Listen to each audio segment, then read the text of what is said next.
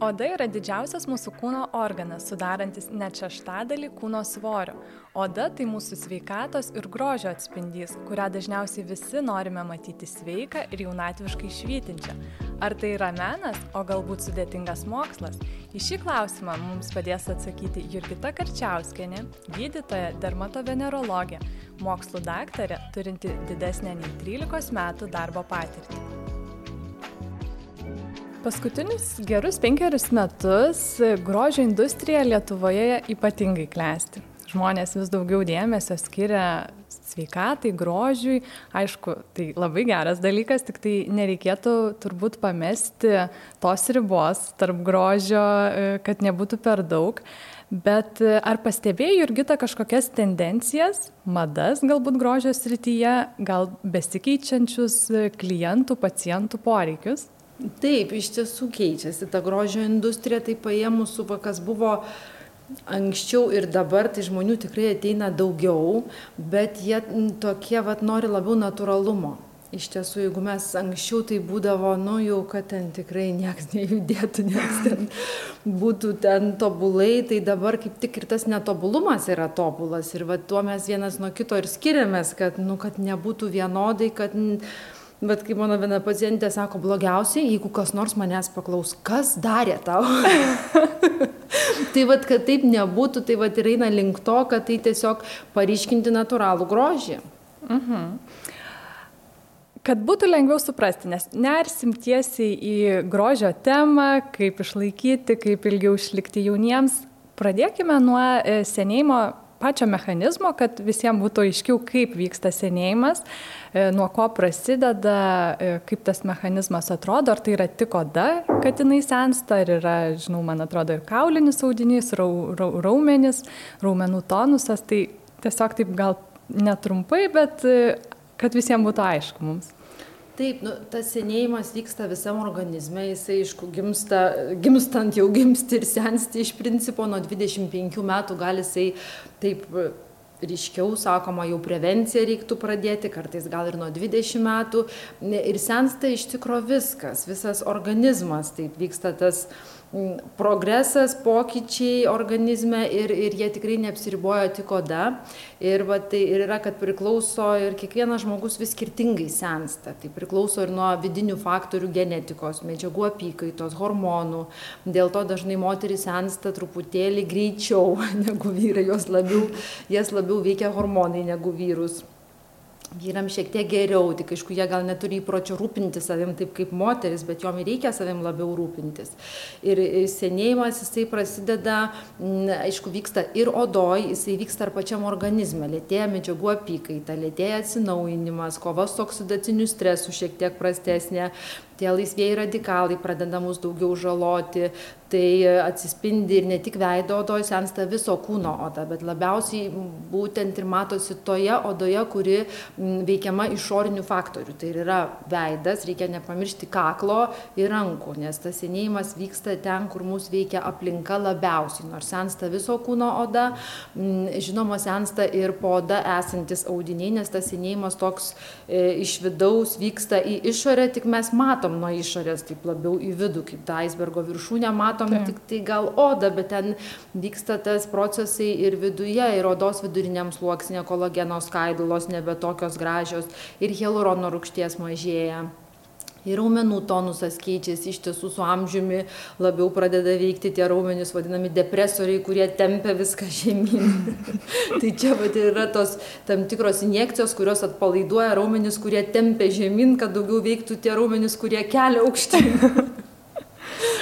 tai va ir riebalinis audinys jisai persiskirsto tai ir, ir veide ypač tai matosi, tai kad riebalai iš to putlaus grai, gražaus jaunatviško veido iš viršaus važiuoja iš trikampio, važiuoja į tokį kitokį trikampį arba keturkampį ir kaulas sensta. Iš tiesų kaulas su amžiumi, ypač veido kaulai, jie rezorbuojasi, atsitraukia, dėl to mes matom m, akidobės pagilėja, mhm. atsiranda riebalai po akimis, toks vat smakras, jisai riečiasi į viršų irgi kaulas rezorbuojasi, tai tas, tie procesai vyksta nu, visom, visam organizme iš tiesų ir priklauso labai vat, vidinius aptariam ir išoriniai tie faktoriai. Tai žinoma, kad visa aplinka mus veikia, ką mes valgom, ką mes galvojam, kaip mes miegam ir, ir, ir nuo to vat ir priklauso.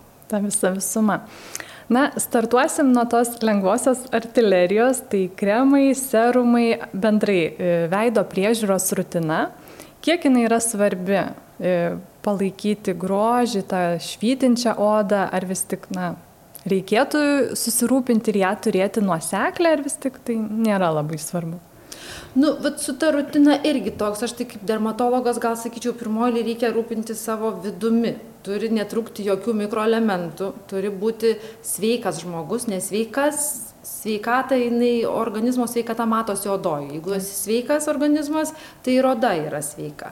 Tai vad pirmoji eiliai turi netrūkti medžiagų, geležies, cinko ir visų kitų, kad tada turėtų iš ko regeneruoti, jinai iš karto bus geresnė tada eina apsauga nuo išorės faktorių, nes vėlgi labiausiai ir sensta veido, kaklo, rankų oda, kur mes daugiausiai gauname tų išorinių faktorių. Ne tik saulės, tai yra ir užterštumas, ir sausas oras, ir karštas oras, visi tie faktoriai oda įtakoja. Aišku, tobuliausių, va, dažnai pacientai klausia, ar man būtina tepti kremą. Nu, ar tikrai reikia, va, vyrai dažnai ateina tokie kalti, nes jie nieko netepa tai jeigu jam nereikia tai ir nereikia tepti to kremo bet dažniausiai mums reikia reikia nes mus vat ypač moteris tas išorinis pasaulis taip paveikia odą kad mes jaučiam jinai sausa jinai rausta jin pleiskanoja nu ir kaip ir rankas nu vat plauni dažnai tai reikia ir tepti. Tai ta rutina reikalinga tiesiog gyvenimas priverčia turėti tą rutiną kad galėtum išlaikyti sveiką ir gražią odą. Bet iš tiesų tada svarbu išlaikyti tuos žingsnius, kad vis tiek, jeigu grįžtam iš lauko, na, oda jau Taip. sureagavus, to užterštumo gavus, tai vadinasi ir prausiklis, teisingas ir tonizavimas paskui, kremas ar ne, kiekvieną tą sritį reikia prižiūrėti atitinkamai. Taip, iš tiesų irgi mes vat gal su kosmetologais kartais jie sako du kartus plaut pas mus tikrai didžioji dalis ir ir tyrimų eina ta linkme kad du kartus plauti odą su prausikliu gerai bet taip pat gerai ir vieną kartą plauti odą su prausikliu. Blogai keturis kartus plauti nes tyrimai tikrai rodo kad yra per daug ir oda nebesupranta kas vyksta jinai pradeda daugiau riebaluotis kaip tik ir paskui sausėti toks sutrikimas gaunasi tai bet tikrai vakare ją reiktų nuplauti nuvalyti pašalinti visus nešvarumus ir makiažo likučius ir ir visą makiažą ir likučius ir ir aišku net ir nesidažant vis tiek ją reikia nuplauti nuvalyti nes ant odos lieka galim pasižiūrėt kas ant mūsų mašinos lieka ten odos irgi yra. Tai reikia ją irgi plauti ir valyti ir aišku mes ją nuplaunam paskui reikia ir tonizuoti. Galim tuo pat rūpintis oda įvesti serumus nes serumai patenka giliau įvesti gal reikia vitamino c atgaivinti odą gal reikia retinolio. Taip tai vat kalbant dar apie tuos tada ingredientus kurie būtų tokie e, svarbiausi, nežinau, efektyviausi e, jaunystėj grožiai tam palaikyti švitėjimui aišku kiekvienai odai irgi žiūrint koks tipas odos ko jai reikia bet gal tai pagrindinis vat ypač tuo šaltuoju periodu yra hialurono rūgštis kad reikia drėkinti odą ir irgi hialurono serumai jie tinka tiek ryte tiek vakare bet dažniausiai mes juos gal tepam ryte nes vakare mes galim tepti ir stipresnius dalykus, kaip pavyzdžiui vitaminas C, sakyčiau, yra labai geras antioksidantas, naikina laisvųjų radikalų poveikį, retinolis gal ne visiems, bet su amžiumi E, laikoma, kad jeigu gali tepti retinolį, oda toleruoja, yra labai gerai, mažina ir raukšlėlės, ir, ir, ir, ir pašviesina odą, tai irgi puikus e, serumas. Ir pigmentacija. Būtų. Ir pigmentacija mhm. mažina. Tai, Bet taip pat ir prie spogelio, ar ne? Retinolis. puikiai Irakniai. tinka, nes jau retinolio, retinoidai, tokie rimtesni vaistai, eina kaip aknės gydimas, tai tikrai galima naudoti tokiai odai linkusiai į aknę retinolį. Taip.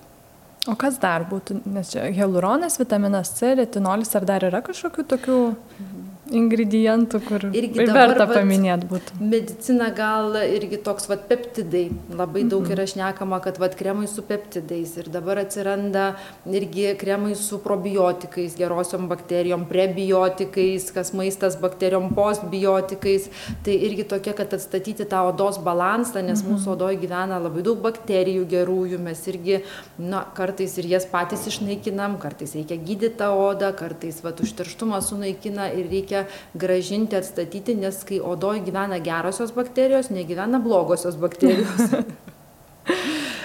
Taip, o dar paminėjai, kad e, labai svarbu ir tas, e, ta sveikata vidinė žmogui, maisto papildai, ar ne? Tai kokios medžiagos be geležies, cinko dar būtų tos reikalingos iš maisto papildų?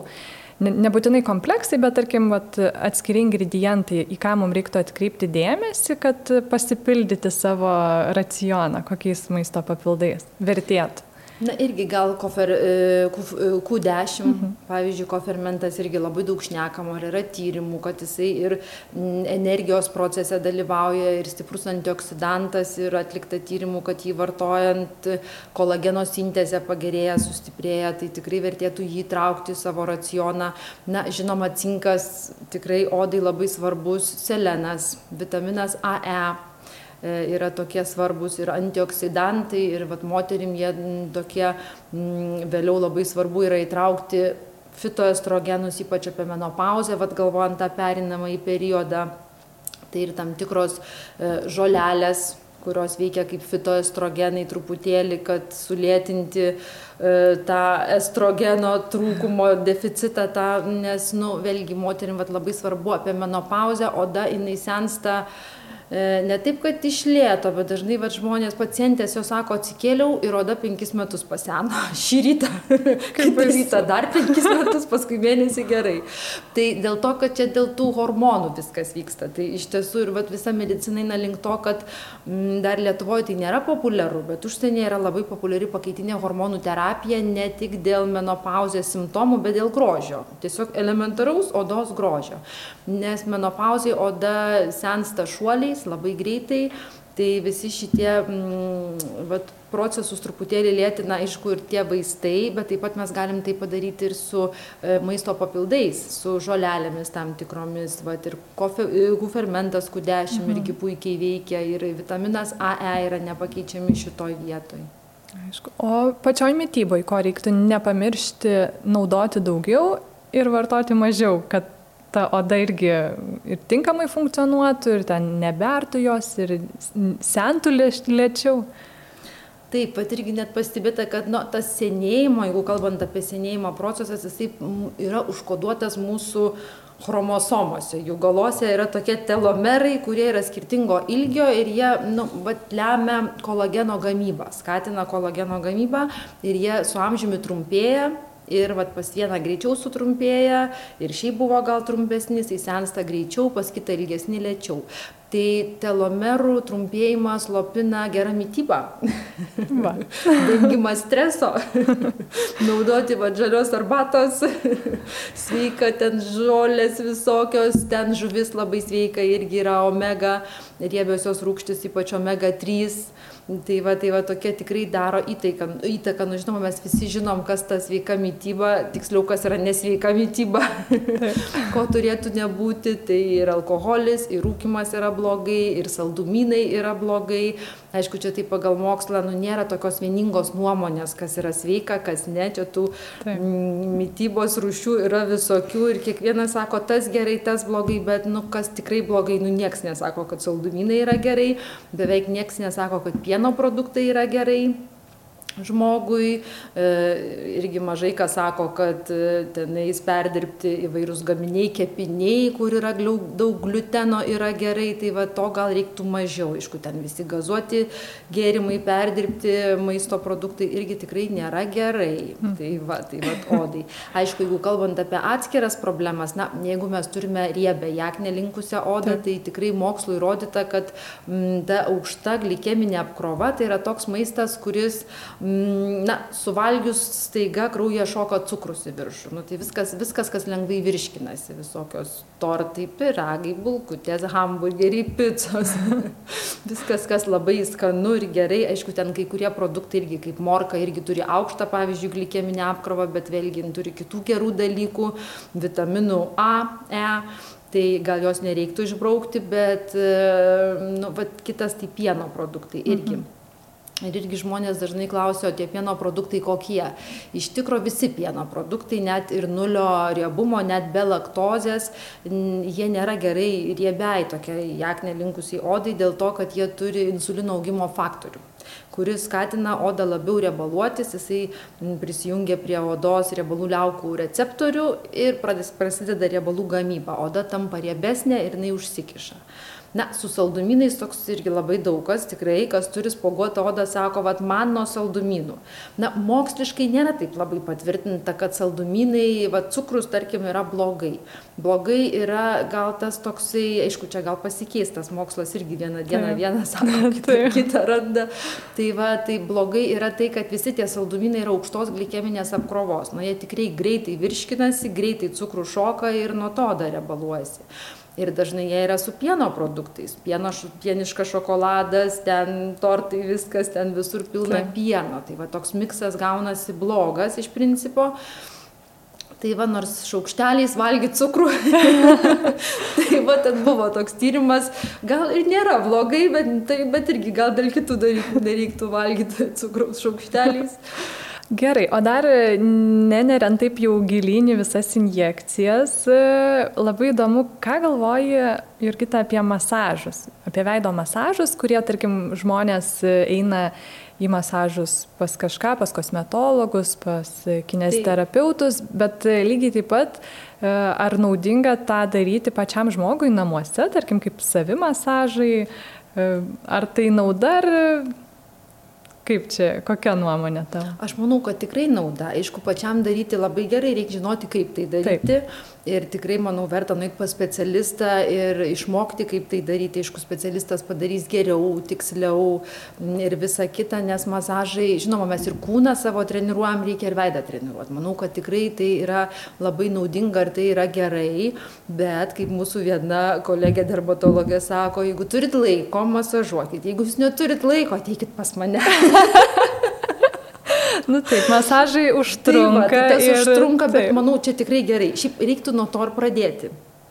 Tikrai Įsim... gera odos rutina ir, pavyzdžiui, masažai. Tai manau, mes senėjimą tikrai labai atitolintumėm. Mm. Odos rutina, rūpintis Taip. vidumi, pagert papildų, ko trūksta atstatyti ir masažuoti savo veidą, tai būtų tobula tai va nes tas masažas jisai ir kraujotaką aktyvina ir raumenis vis tiek irgi masažuoja kai ką atpalaiduoja kai ką tonizuoja tai ir atpalaiduoja tai kas tempia žemyn stimuliuoja tai kas kelia aukštyn tai tikrai yra naudinga.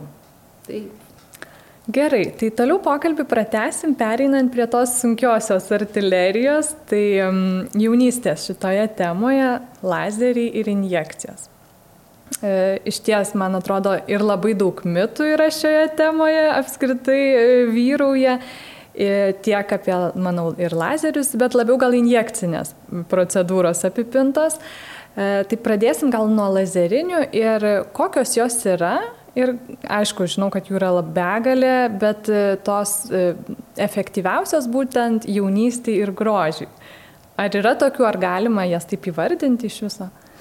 Na yra iš tikro labai daug tų procedūrų bet vėlgi nu pačiam žmogui yra labai sunku žinot. Vat kaip vat irgi dabar nu pastaruosius metus vyrauja tokia tendencija kad žmogui geriausia ateit pas specialistą gydytoją ir pasitarti. Vat vat taip geriausiai toks tobuliausias variantas ateit ir sakyt na vat nu koks planas mano? Ką man daryti kad aš lėčiau senčiau vat ir tokį va planą sudarius taip yra geriausiai nes dažniausiai tai reikia komplekso. Ir nėra taip kad vat visiem tinka vienas dalykas. Ja. Tie lazeriai iš tiesų ir ne tik lazeriai, ir kiti aparatai jų yra labai daug, ta aparatinė dermatologija e, ir aparatinė kosmetologija, nes kai ką gali ir kosmetologai daryti saugiai, tokius lengvesnius dalykus kaip prevencijai, tai tikrai yra labai svarbi ir pasaulyje jinai toj estetinėj medicinoj užima labai didelę reikšmę turi ta vat tos įvairios procedūros. Tai mes jau imamės šiek tiek tokių sunkesnių galbūt procedūrų. Tai iš tų tokių naujausių moderniausių dabar irgi ne lazerinių procedūrų tai yra mikroadatinis radiodažnis kuomet mes naudojame adatas kuriomis badome odą. Bet tai tik skamba blogai. Nėra blogai. Iš tiesų tai toks kontroliuojamas odos pradurimas ir jos stimulacija karščiu. Nes irgi daug kas tie aparatai jie dažnai remiasi karščiu. Jie sukelia karštį odoje ir karštis stimuliuoja odą mm, duoda tokį signalą neatsipalaiduot susikaupti gaminti kolageną teisingai ir kad viskas būtų gerai. Tai va ta mikroadatinė procedūra su radiodažniu dabar yra ant bangos jeigu galima taip pasakyti. Ir praktiškai tinka kiekvienai odai šiek tiek pastimuliuot kad lėčiau sentų jinai kad jinai stangresnė būtų kad biologiškai aktyvios medžiagos išsiskirtų ir turinti mažai pašalinių reiškinių. Tai vat aš gal akcentuočiau šitą procedūrą kuri yra tokia gera. Na ultragarsu tas vat irgi daug kas šneka toks hifu yra aukšto dažnio ultragarsas. Mm, tai irgi procedūra kuomet irgi sukeliamas karštis odoje netgi po oda netgi giliuose sluoksniuose mm, tam kad ją sustangrinti bet ten dažnai karštis yra pakankamai didelis ir galbūt nuo to nereiktų pradėt jaunai odai nes kuo stipriau tuo rizikų daugiau. Bet vyresniam amžiuje ypač tokiem veidam vėlgi priklauso kartais ne viską gali suleisti kai kam nenori galbūt žmogus kai kam negali leisti nes kas visi pavyzdžiui užpildai jie didina apimtį turi. Tai ne kiekvieną veidą gali didinti nes jis ir taip jau yra didelis. Tai kartais tos aparatinės procedūros va kaip aukšto dažnio ultragarsas labai pasitarnauja. Ar ar mikrodatinis radiodažnis o ar yra kontraindikacijų kada negalima? Taip taip visą laiką kiekvienai procedūrai yra krūva mikro kontraindikacijų. Tai va ir ir tam tikro pasiruošimo ir priežiūros po ir vat dėl to vat nu protingiausia yra ateit ir pasitart kas tinka ir vat kad turėt tokius lūkesčius ko tikėtis iš procedūros ko nesitikėti kas yra gerai kas yra blogai nes visur yra visokių dalykų mes visi skirtingi ir visiem viskas gaunasi skirtingai bet nu taip ir turi būti. Ir dar vat, iš lazerių, vėlgi mes turim daug visokių m, mm, lazerių ir naudojam tiesiog tokiem odos defektam galbūt pašalinti, kaip tai kraujagislėm išsiplėtusiam, pigmentui, plaukeliam irgi, kur auga vietoj, žodžiu. Tai va, bet irgi toks iš grožio tų lazerių, tai frakcinis e, odos atjauninimas. Mes turim irgi tokį na visi dermatologai praktiškai naudoja frakcinį lazerį kuris nušlifuoja dalį odos. Gal taip skamba e, prastai per tokį tinklelį bet iš tikro tas nušlifavimas jisai irgi stimuliuoja odą organizmas save mobilizuoja jisai gydo jis turi sugydyt mes sužalojam žmogų jisai turi pats sugyti ir tas vat gijimas ir duoda odos sustangrėjimą sumažėjęs raukšlelių odos tekstūra pagerėja. Bet vėlgi ši procedūra tinka tikrai ne kiekvienam. Tai ir turėtų pasakyt gydytojas žmogus gali galbūt nuspėti žinoma kad vat jam gal vat skaitė gal taip bet reik pasitarti nes tik teisingai atrinktas pacientas konkrečiai procedūrai yra garantuota sėkmė o kartais gali būt ir nesėkmė.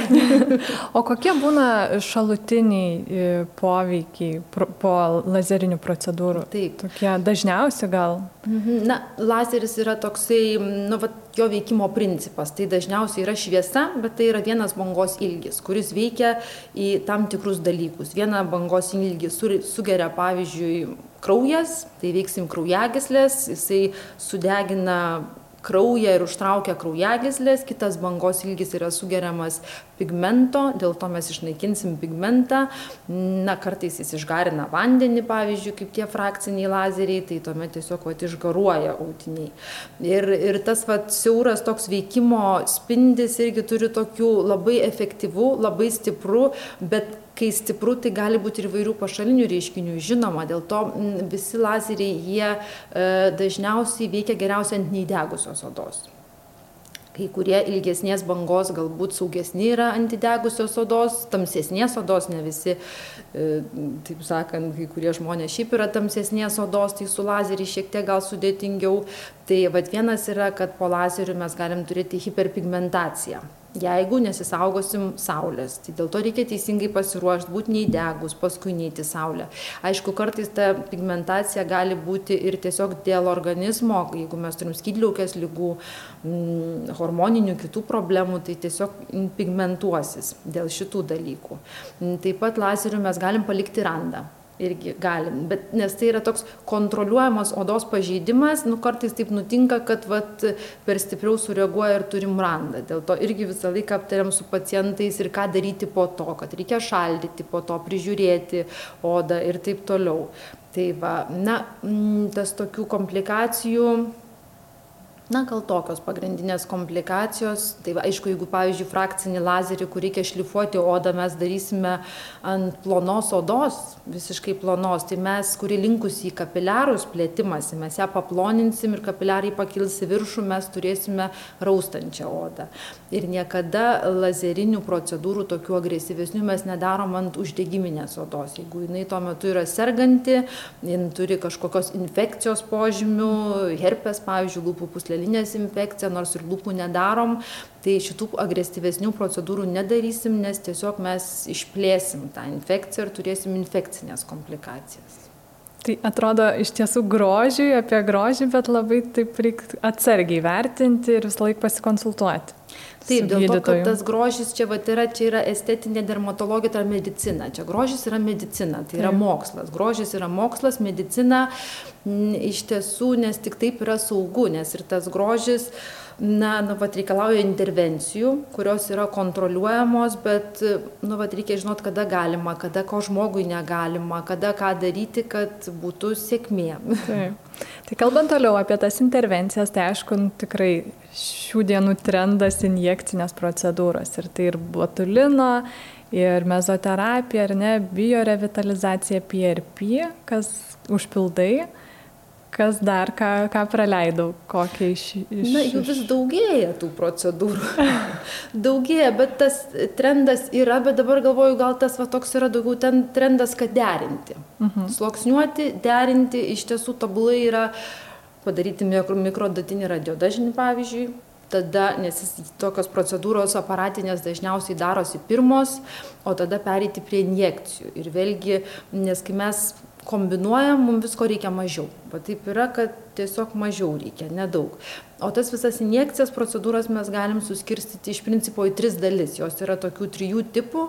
Tai vienos pagrindinės procedūros tai yra odos kokybės gerinimo. Tai yra e, kaip mum jau kremai gerai, serumai gerai, bet jie nu, vis tiek nepatenka labai giliai, jie nepatenka į dermą arba į gilėją dermą, Mm, tai dėl to mums jos ateina laikas, kai reikia įvesti. Tai pradžiai kosmetologės gali daryti kaukės įvairias, visą kitą, bet yra laikas, kad mums reikia jau įdurti ir įleisti tai va tai mes leidžiam irgi įvairius dalykus. Galim leisti vitaminus vitaminų kokteilius mezoterapiją. Galima daryti biorevitalizaciją. Jeigu odai trūksta drėgmės leidžiam hialuroną kuris yra nestabilizuotas neužpildas jisai išsiskirstys ir sudrėkins odą pritrauks vandens. O kuo skiriasi mezoterapija nuo biorevitalizacijos? Iš principo skiriasi gyliu mezoterapija yra truputėlį labiau paviršinė tokia e, paviršiniam sluoksnyje ir produktų mezoterapija tai yra vitaminų kokteiliai. Tai gali būti mažiau daugiau vitaminų rūgštys tam tikros kartais irgi įeina vitaminas c b grupės vitaminai. Mm, tai vat yra mezoterapiniai kokteiliai grynai epidermio paviršiniams sluoksniams. Jeigu mes jau leidžia leidžiam truputėlį giliau į į į paviršinę dermą tai dažniausiai jau yra kaip biorevitalizacija. Jeigu mes tai darom su hialurono rūgštimi. Vėlgi tai toks galbūt marketingas nes ten yra nu jeigu leidi pavyzdžiui kitą medžiagą gintaro rūgštis tai yra redermalizacija. Jeigu leidi peptidus tai yra bioreparacija bet iš principo tai tiktai žodžiai. Tokie toks vat nu taip yra paviršius mezoterapija truputį giliau jau tos stimuliacijos į fibroblastus nes būtent tie fibroblastai kurie gamina kolageną ir yra dermoje ne epidermija tai mes juos vat ir stimuliuojam leisdami truputėlį giliau produktus. E, tada dar viena iš tų procedūrų tai yra kraujo plazma. Tai va, tikrai yra nemažai žmonių ir, ir labai gerai, kad tokių yra, kurie bijo. Nes, ir, manau, tikrai gerai yra bijoti, nes kai bijai, tada tu pamastai, pagalvoji, rengiesi specialistą. Ir tikrai gerai, kai žmogus ateina ir klausia, mhm, o koks jūsų išsilavinimas. Aš labai džiaugiuosi, man patinka. Taip, va, tai, nes taip ir turėtų turbūt. Tikrai turi užtikrintai eiti ir gal ir pas kelis specialistus nueiti ir taip toliau. Ir va ta kraujo plazmos injekcijos tai yra žmonėm, kurie nori pradėti nuo kažko labai saugaus ir natūralaus. Čia apie PRP kalbam? Taip, tai čia va yra PRP, tai yra trombocitais praturtinta kraujo mhm. plazma, tai yra žmogaus kraujas, mes jį paimam, paruošiam, išsukam, išcentrifuguojam ir paliekam daugiau kraujo plazmą ir trombocitus ir juos suleidžiame į odą, tai irgi gal skamba nelabai, bet galime daryti su, taip, su pistoletais įvairiais, kas mažai skauda, galim ir su ranka daryti įvairiai. Ir tiek veido odai, kaklo, vis, visur, kur reikia ir įskaitant plaukams labai yra gerai, kad, kad jie auktų. Mm, tai varinės linktų. Nuo plaukų slinkimo padėti. Nuo slinkimo ir pastiprinti jį. Mhm. Tai šitos procedūros tokios vat, labai natūralios, bet jos visos mm, gerina odos kokybę. Ir čia tokių naujovių yra, buvo peptidai pasirodę ir irgi jie turi savo nišą, mm, kaip senėjimo prevencijai leidžiami, dabar lik atsiranda mm, polinukleotidai iš, iš žuvų, mm, pagaminti gauti žuvų, ten žuvų nėra, žodžiu, jie molekuliniam lygiai pagaminti, kurie stangrina oda, tai jie visi turi savo nišą. Tik šitos visos procedūros jos yra Jų pliusas, kad jos e, labai sveika odai, jos stimuliuoja odą, teikia medžiagas naudingas odai, ko galbūt mums trūksta ir tikrai oda švyti. Va, nuo šitų jinai švyti, bet reikalingas kursas visą laiką. Viena procedūra nieko nepadarys, dažniausiai tai yra trys, šešios procedūros, kas dvi, keturias savaitės ir mm, kartojama kartą, du per metus priklausomai nuo odos būklės. Tai va, va, šitą mhm. visiems rekomenduočiau, tikrai ne visiems reikia, bet jeigu pradėti, reikia pradėti nuo šitokių dalykų. Bet ar oda nepripranta prie tokių intervencinių procedūrų? Ne, iš principo jinai nepripranta, bet tikrai taip yra, kad pavyzdžiui, nu jeigu tam pačiam žmogui darai dešimtą biorevitalizacijos procedūrą ir jam neveikia, jam nebereikia, jam šito nebereikia, jam galbūt reikia kažko kito, o gal jam nieko nebereikia. Kurį laiką, tai jinai nepripranta, bet svarbu žinot, ko reikia. Gal tikriausiai to nebereikia, jeigu nėra poveikio. Mhm. O ar yra šalutinių poveikių, kalbant apie ši, šitas procedūras? Taip, tai žinoma yra, tai yra medicininės procedūros, tai vat, labai svarbu irgi specialistas ne tik dėl to, kad atrinkti, bet ir dėl to, ką daryti, jeigu kas ne taip. Atlikti viską įmanoma išmokti atlikti teisingai, bet vat, kaip parinkti gerai čia yra menas ir kaip ką daryti po to, jeigu kas ne taip. Čia ne tai būna retai, bet gali būti. Iš tiesų literatūroje mm, yra gal čia ne Lietuvoje užsienį buvę, kad organizmas sureaguoja, susuka granuliomas. Kiekvienas duris lieka mazgu nu vat ir lieka. Ir tas gydymas sudėtingas ne visada praeina. Aišku tie visi odos paviršiniai pradurimai jie atidaro infekcijai vartus. Ir ant odos yra labai daug visko. Ir buvo amerikoj odos tuberkuliozės protrūkis po mezoterapijos galvos vienoj valstijoj. Tai vat irgi neaišku kodėl. Gal produktas blogas užterštas gal dezinfekcija bloga gal organizmas va taip ten paplito kokia bakterija, taip sakant, ta tuberkuliozės. Tai ir tos infekcijos dažniausiai yra sunkiai valdomos, nes jos patenka, mes dirbtinai galim įnešti bakteriją giliau, dėl to ir galim turėti tų infekcijų. Yra buvę vėlgi, kad organizmas sureaguoja ir, pavyzdžiui, po biorevitalizacijos lieka tokie mini burbuliukai, kurie praeina. Yra buvę, kad jie nepraeina, tie burbuliukai. Vėlgi, galbūt saulės poveikis irgi ten vat reiktų atsargiau tas kelias dienas kol nepraėjo burbuliukai irgi organizmo vidiniai dalykai skydliaukės ligos ir visa kita taip gali kartais nutikt dėl to reikia visą laiką žinot rizikas. Taip. Gerai, o einant tada prie tų, čia yra vat, odos grožiai procedūros, Taip. injekcijos, e, bet yra ir tos e, kitokios procedūros, kur šiek tiek keičia ir veido bruožus, ir tarkim, botulinas tai rūkšlių prevencija, ar ne, tai plačiau, kas, kam visai neaišku šitas rytis, kad Taip, gal pradžioj nuo botulino mhm. pradėkim. Taip, tai vat viena lentyna kokybę pagerinam. Taip Na, tada galvojam, kas Ką toliau. Nes, nu, taip, iš tiesų, kai tu matai, kad tavo oda gerėja, tada tu kitaip į save ir žiūri ir tu pradedi matyti daugiau ir tave erzina, o va, kodėl čia va, liko kažkas. tai va, tai botulino injekcijos irgi turi, tai vienos iš populiariausių procedūrų. Tikrai ir visam pasaulyje, ir Lietuvoje tai yra numeris vienas. Kodėl? Dėl to, kad tai gal taip skamba blogai toksinas, nuodas, bet jisai naudojamas net vaikų cerebriniam paralyžiui gydyti, žvairumui gydyti, migrenai gydyti, prakaitavimui gydyti ir jis yra medicinoje jau grožios rytė apie 40 metų. Kažkada, Gana ilgai gana ilgai ir buvo taip, kad botuliną okulistai naudojo žvairumo gydimui ir jie pastebėjo, kad pasitaiso ne tik žvairumas, bet ir odos kokybė apie akis.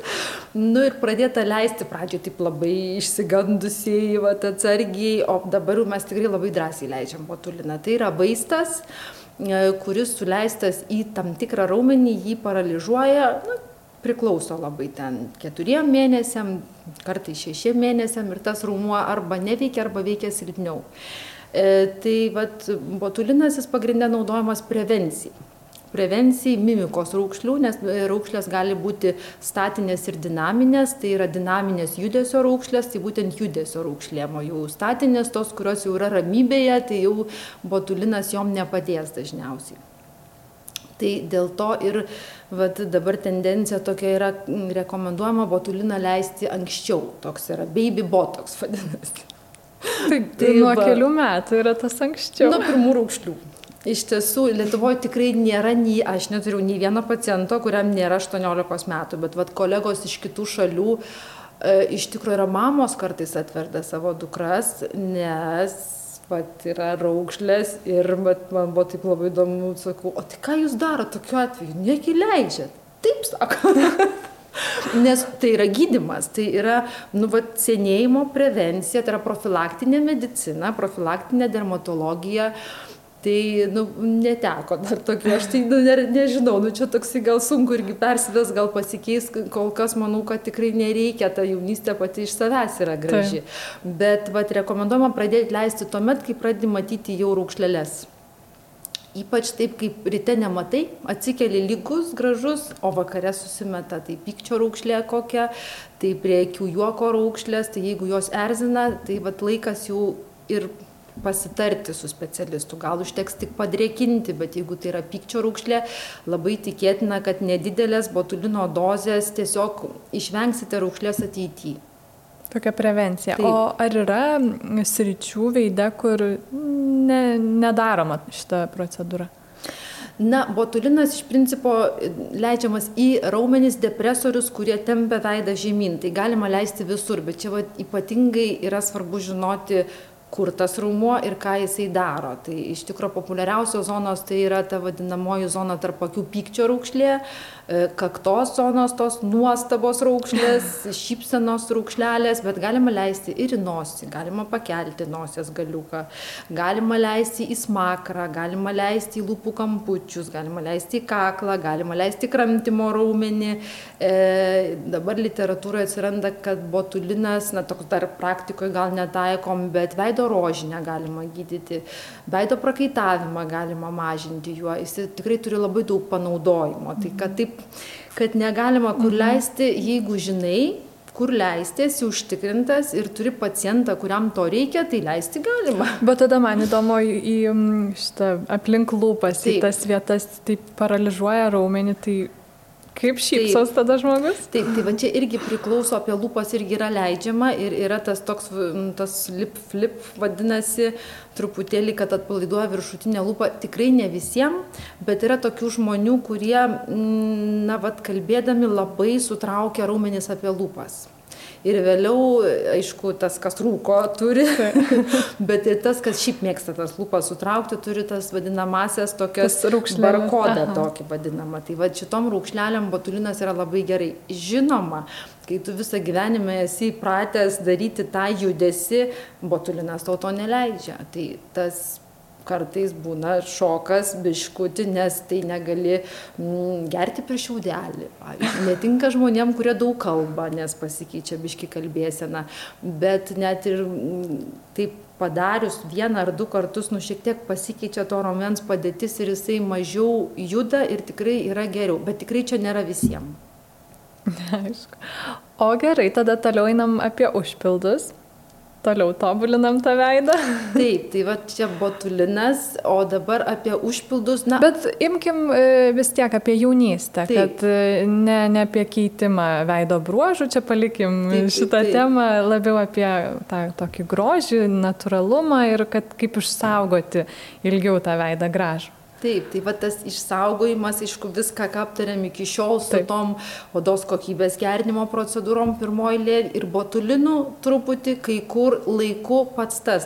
Na, va irgi dar grįžtant prie botulino, jeigu jau ateina pacientė su sena, sena pykčio raukšle, kuri jau yra ir ryte, ir vakare, ir naktį, ir visi mato tą raukšlę, jau botuliną leidžiam, bet jau yra per vėlų.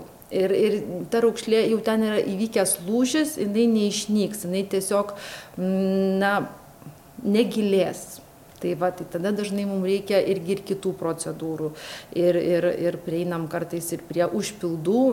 Užpildai tai yra medžiagos, kurios yra kaip implantai. Jie šiaip ir, ir teisiškai yra Lietuvoje vardinti kaip implantai, kuriuos padedi kažkur jie atstato tūrį, deficitą ir tam tikrą laiką pabūna, e, vieni rezorbuojasi, kiti ne. Vėlgi tie užpildai gali būti, populiariausi yra hialurono rūgštės užpildai, bet yra ir kitokių užpildų, irgi besirezorbuojantis kalcio rūgšties, kalcio hidroksiapatito užpildai, dabar atsiranda įvairių mm, pieno, PLLA.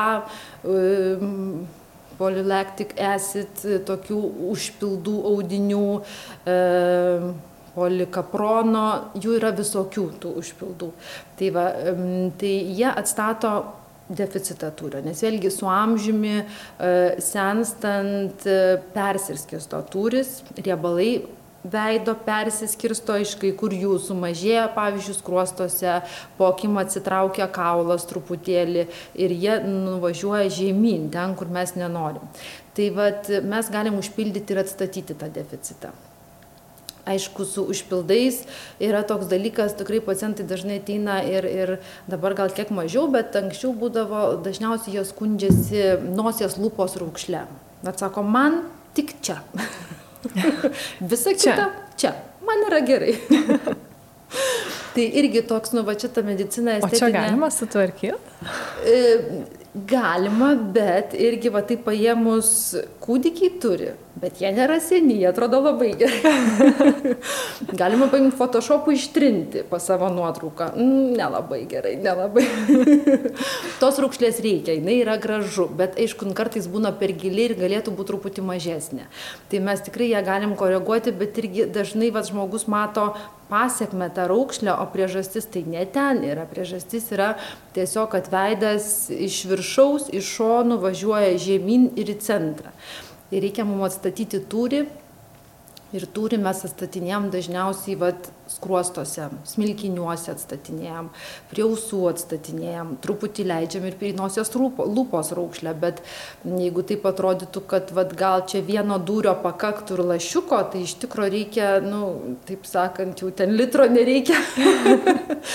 Bet mililitro nepakaks žodžiu šitam dalykui mililitro nepakaks. Dėl to gal iš tų vat užpildų populiariausios ir yra lūpų procedūros. Vėlgi m, mm, su lūpų tūrio atstatymu mes galim irgi ir drėgmę atstatyti nustato hialurono rūgšties užpildai ir pakoreguoja ir kontūrą ir ypač tai reiktų daryti su amžiumi. Bet moteris amžio labai to bijo ir labai man gaila, kad jos to bijo.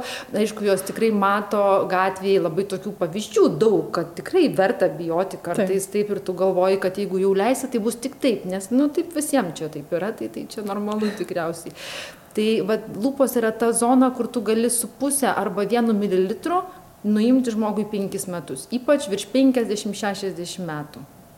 Va. Tai va, nes sutvarko kontūrą lūpos, iš karto lūpdažys kitaip laikosi, raukšlelės, raukšlelės pamažėja, neišnyksta, bet pamažėja ir iš karto viskas yra geriau. Tai va, šitos procedūros va, nu, tikrai kartais taip gali padaryti tokius, na, stebuklų gal nepadaro, bet pagerinti moterų ir, tarp kitko, ir vyrų gyvenimo kokybę, nes daugėja ir pacientų vyrų. Taip. Taip, einam į vakarus labiau.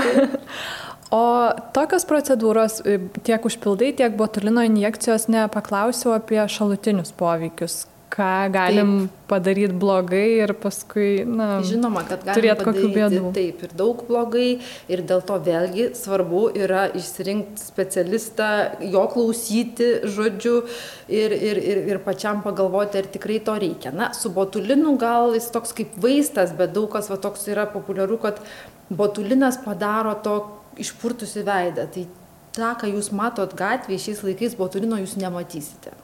Tiesiog matysite tokį gražų veidą, be pikčio raukšlės, žodžiu, judantį, viskas ten yra normalu. Šiais laikais mes neleidžiam tiek botulino, dažniausiai nebent žmogus nori, kiek leisdavo m, mm, anksčiau, kai prasidėjo e, botulino era. Tai va, tai, e, bet jis irgi gali padaryti, gali užkristi antakiai bet vėlgi čia labai svarbu teisingai atrinkti pacientą kai kam tu matai kad užkris antakį ir tiesiog nedarai arba edukuoji žmogų kad galiu daryt bet gali pakrist antakiai jie dažniausiai nepakrenta jie tiesiog nekyla nes tas irgi tos raukšlės kaktoj horizontalios raukšlės dažniausiai yra dėl to kad mes ar taip ar taip norim pakelt antakius nes jau yra nelabai gerai su vokais viršutiniais ar šiaip antakiai užkritę yra. Tai kai tą raumenį atjungiam jis tiesiog nekyla. Tai va tai gali antakiai pakristi gali nutekėti vokas užkristi irgi. Toksai aišku su botulinu tokių literatūroj yra kadangi jis keturiasdešim metų grožio rinkoj maždaug yra jau su viršum tai atsiranda taip kai kur oda gali atrofuotis daug daug laiko darant bet tai tokie yra pasaulyje nu pavyzdžiui penki atvejai yra tokio kardo kirčio sklerodermijos penki atvejai yra nuo dūrio atsiranda granuliomos tokios mazgai gali atsirasti bet nu tų atvejų aišku po truputį daugėja jų yra bet irgi tai išlenda tai žmogus kokią sarkoidozę turi vat uždegiminę granuliominę ligą tai dar kokią ligą ten irgi tokių yra tų rizikų su botulinu su hialuronu tų rizikų yra daug daug daugiau. Ir su visais kitais užpildais kurie yra ne hialurono pagrindu. Nes hialuronas toks sąlyginai saugus ta prasme kad jisai turi jis yra laikinas ir jis turi priešnuodį mes turim e, hialuronidazę tokį fermentą. Kur tirpdo? Kuris ištirpdo. Mhm. tarp kitko tai yra tas fermentas kai mes senstant patys išsitirpdom savo hialuronidazę nes tiesiog senstant jo pas mus daugėja hialuronidazės ir dėl to kai kurie žmonės, vat, kai kam nelaiko užpildai. Sako, nu, vat, man nelaiko. Tai dėl to, kad yra daug hialuronidazės organizme ir, nu, tiesiog taip yra. Taip yra. Tai, vat, su užpildais, vėlgi, užpildų yra labai pavojinga tam tikrose zonose, kaip kaktoj, pykčio raukšlėj, tai va šiais laikais yra irgi daug na tokių e, garsių pasaulio lygio e, gydytojų, kurie sakydavo, aš anksčiau leidau į pykčio raukšlę, čia aš suleidau ir aš nebijojau, jis neapako, ačiū Dievui, bet tada aš nežinojau, bet dabar aš to nedarau. Tai va, tai va, kad galima yra tų rizikų net iki apakimo su užpildais. Irgi užpildai jie visą laiką kaip, kaip implantas, jisai gali migruoti. Tai va e, jie dažniausiai suyra per metus pusantrų bet vėlgi dabar vat vis daugiau mūsų profesijoj šnekam apie tai kad užpildai hialurono nesuyra taip greitai. Kartais jie suyra per greitai bet kartais jie nesuyra taip kaip mes norėtumėm. Ir ypač vat paakiuose gal tai būna taip matoma nes paakiai apskritai tokia yra labai delikati sritis kur yra labai plona oda ir realiai ten daugiau nieko nėra tai va yra tiktai oda raumenukas labai plonas ir kaulas. Ir jeigu ten užpildas kuris pritraukia vandenį koks stipresnis jisai gali likti guzu. Tai va dažnai paakiuose jie lieka metus turėtų likti lieka penkis šešis. Tai tokių irgi rizikų įvairių yra. Kai jau pradėjom e, naudoti užpildus ar ne, e, botulino injekcijas, ar negali sakyti, kad tada pripranta, bet ar tai daryti reikia nuolat. Na, tarkim, užpildas jisai vis tiek kažkiek pripildo odą, patempia ją, ar e, paskui, kai sutirpsta ir išnyksta kažkoks didesnis pokytis matomas ir mums nuolat tą reikėtų daryti, ar, ar nebus taip? Ne, taip nebus, tikrai taip nebus, bet čia aš žinau, vat, kodėl tas yra. Dėl to, kad kai tu pradedi, tu matai teigiamą efektą ir norisi tai daryti nuolat. Dažniausiai yra taip, jeigu viskas gerai, jeigu nėra komplikacijų, dažniausiai tiesiog norisi, nes efektas tikrai yra. Tai va dėl šito, bet e, tai nėra negrįžtamas dalykas. Vat botuliną suleidus, jis veikia 4-6 mėnesius, per tą laiką raumuo palisėjo, po to jisai vėl veiks. Jis tiesiog m, mm, pradės nuo ten, kur baigia, o galbūt bus biškuti žmogus atpratęs rūkytis ir jau vien nuo to bus geriau. Tęsti tikrai nereikia su išpildais irgi toks dalykas, mes neleidžiam tokių didelių kiekių, vėlgi leidžiam, nu, kartais leidžiam ir 4 ml, ir 10, čia jau, toks, jau, čia jau labai daug skaitosi, taip sakant, bet mililitras tai yra labai nedaug, arbatinis šaukštelis yra 5 ml, tai 5 švirkštai, tai čia jau yra daug. Ir, ir, ir tas vat, m, e, užpildas jisai vėlgi nesuleidžiamas vienu guzu jisai suleidžiamas tenais irgi pakankamai lašiukais.